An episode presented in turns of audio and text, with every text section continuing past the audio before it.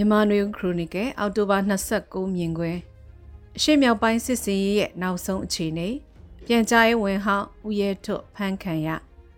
ရှမ်းပြည်မြောက်ပိုင်းဒေသဖြစ်တဲ့နမ်ခန်ကွတ်ခိုင်သိန်းနီချင်းရွှေဟောနောင်ချိုစတဲ့ဒေသတွေမှာတိုက်ပွဲတွေဖြစ်ပွားနေတာ၃ရက်မြောက်ရှိပြီဖြစ်ပါတယ်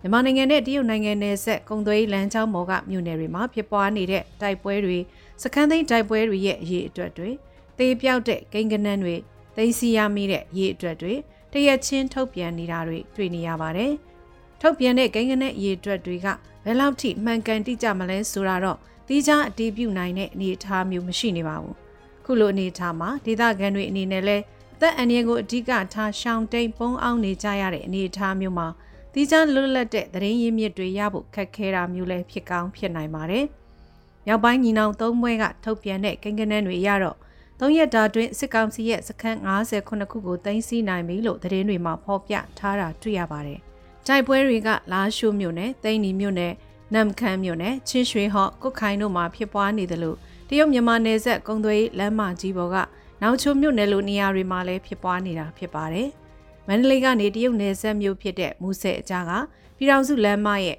လာရှိုးသိန်းနီကုတ်ခိုင်လမ်းမိုင်းကြောင်မဲနဲ့နောက်ချိုကြားလမ်းမိုင်းတွေမှာတိုက်ပွဲတွေဖြစ်ပွားနေပြီး နေဆက်ကုံသွေးလမ်းကြောင်းမှာတွာလာနေကြတဲ့ကုန်တင်ရင်တွေခီးတဲ့ကားတွေအားလုံးနီးစပ်တဲ့နေရာမှာသတင်းချေနေကြည့်ပြီးတွာလာနေကြရတဲ့အနေအထားလည်းဖြစ်ပါတယ်။ခုစစ်စင်ရေးမှာပါဝင်တဲ့မြောက်ပိုင်းသုံးဘွဲ့အနက်အဓိကအဖွဲ့လူဖြစ်တဲ့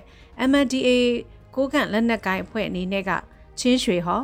ချင်းရွှေဟောနဲ့လောက်ကိုင်းကြားကစစ်စခန်းတွေသိန်းနီမျိုးနဲ့အနီးတစ်ဝိုက်ကစစ်တပ်စခန်းရဲစခန်းတွေကိုတိုက်ခိုက်တာသိမ်းယူတာတွေလုပ်နေတာဖြစ်ပါတယ်။ ချင်းရွှေဟော်နေဆက်ကုံသွေးစခန်းဂိတ်ကိုတန်ရှင်းလုပ်နေတဲ့ဗီဒီယိုကိုမနေ့ကထုတ်ပြန်ခဲ့တာဖြစ်ပါတယ်။အုပ်ချုပ်ရေးရပြည်နယ်အရရှမ်းမြောက်ပိုင်းဒေသစီးရဲနေထားနဲ့ဆိုရှေ့မြောက်ပိုင်းတိုင်းစစ်နယ်မြေထဲမှာရှိတဲ့စစ်ကောင်စီစခန်းတွေကို60နီးပါးသိမ်းဆည်းနိုင်ခဲ့ခြင်းကရခိုင်ဖြစ်ပွားခဲ့မှုတဲ့2015ခုနှစ်ကိုကန့်ဒေသတိုက်ပွဲနဲ့2016ခုနှစ်ရှမ်းမြောက်ဒေသကိုတိုင်းသားလက်နက်ကိုင်၄ဘွဲ့စစ်စင်ရေးလုပ်ခဲ့တဲ့အခြေအနေနဲ့နှိုင်းယှဉ်ရင်ကွာခြားတာတွေ့ရပါတယ်။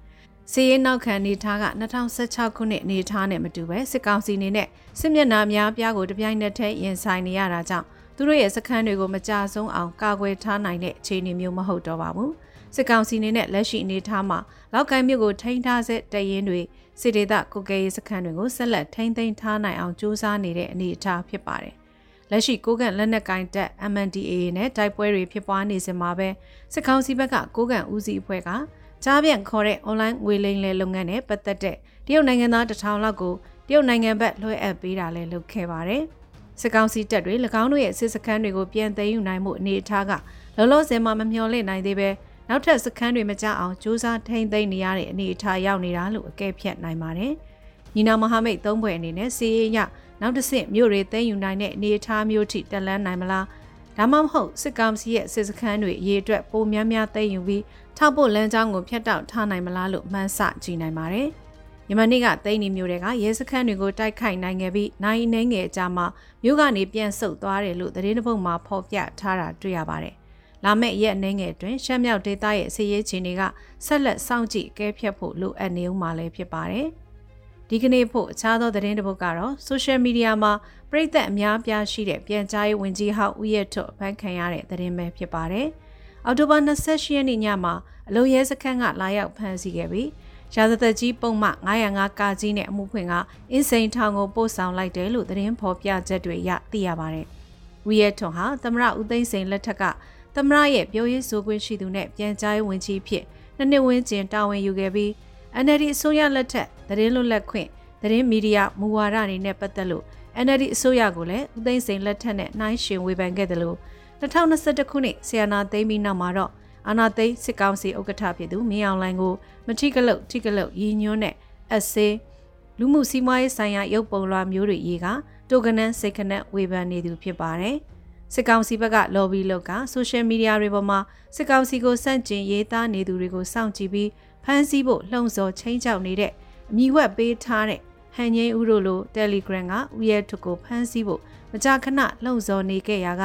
နောက်ဆုံးတစ်ကြိမ်လှုံ့ဆော်ရမှာအဖမ်းခံလိုက်ရတာဖြစ်ပါတယ်။စစ်တပ်ကတို့ပတ်စင်22ကကြောင်းစင်သူလက်ရှိပြည်ထောင်ရေးဝန်ကြီးတာဝန်ယူထားသူဒုဗိုလ်ချုပ်ကြီးရာပြည့်နဲ့တပတ်စင်နဲ့ဆင်းသူစသဖြင့်စစ်တပ်မိသားစုနောက်ခံနဲ့မွေးဖွားလာသူဖြစ်ပြီးတက်ကနေရက်ဖက်ဌာနပို့ခံရတဲ့အခါ ပြန်ကြားရေးမှာ2000ခုနှစ်အလဲပိုင်းလောက်ကနေ2015ခုနှစ်အထိတဆင်ပြီးတဆင့်တာဝန်ယူခဲ့သူဖြစ်ပါတယ်။စစ်ဗိုလ်ချုပ်တွေရရှိဟောင်းတွေကြားမင်းအောင်လှိုင်ကိုလေးစားမှုစစ်ရေးစွမ်းဆောင်ရဲ့အတိမတ်ပြုခံရမှုမရှိသူဖြစ်ပြီးဗိုလ်ချုပ်တန်းရွှေကရွေးချယ်တာဝန်ပေးခဲ့လို့ကာကွယ်ဦးစီးချုပ်ယာရုကိုရလာသူရေးချင်းအားဖြင့်မထိုက်တန်သူလို့စစ်တပ်တဲကအရာရှိတွေကယူဆကြရမှာဦးရဲထွတ်ကအတူပါဝင်ဖြစ်ပါတယ်။ ဦးရဲထွတ်ရဲ့မတိကလုတ်တိကလုတ်ပြောဆိုမှုတွေကပြီးခဲ့တဲ့နှစ်နှစ်ကျော်ကာလအတွင်းမှာအကြိမ်များစွာဆိုရှယ်မီဒီယာ post ပေါင်းများစွာမှာတည်တာထင်ရှားနေပေမဲ့လည်းသူ့ကိုကြည့်ရှုစောင့်ရှောက်သူဦးသိန်းစိန်မျက်နှာနဲ့ချက်ချင်းအေးအေးယူမခံရတဲ့သဘောလေးဖြစ်ပြီးခုတစ်ချိန်မှာတော့ဘလောက်ထိအေးအေးယူမလဲဆိုတာစောင့်ကြည့်ရမယ့်အနေအထားဖြစ်ပါတယ်ရှင်။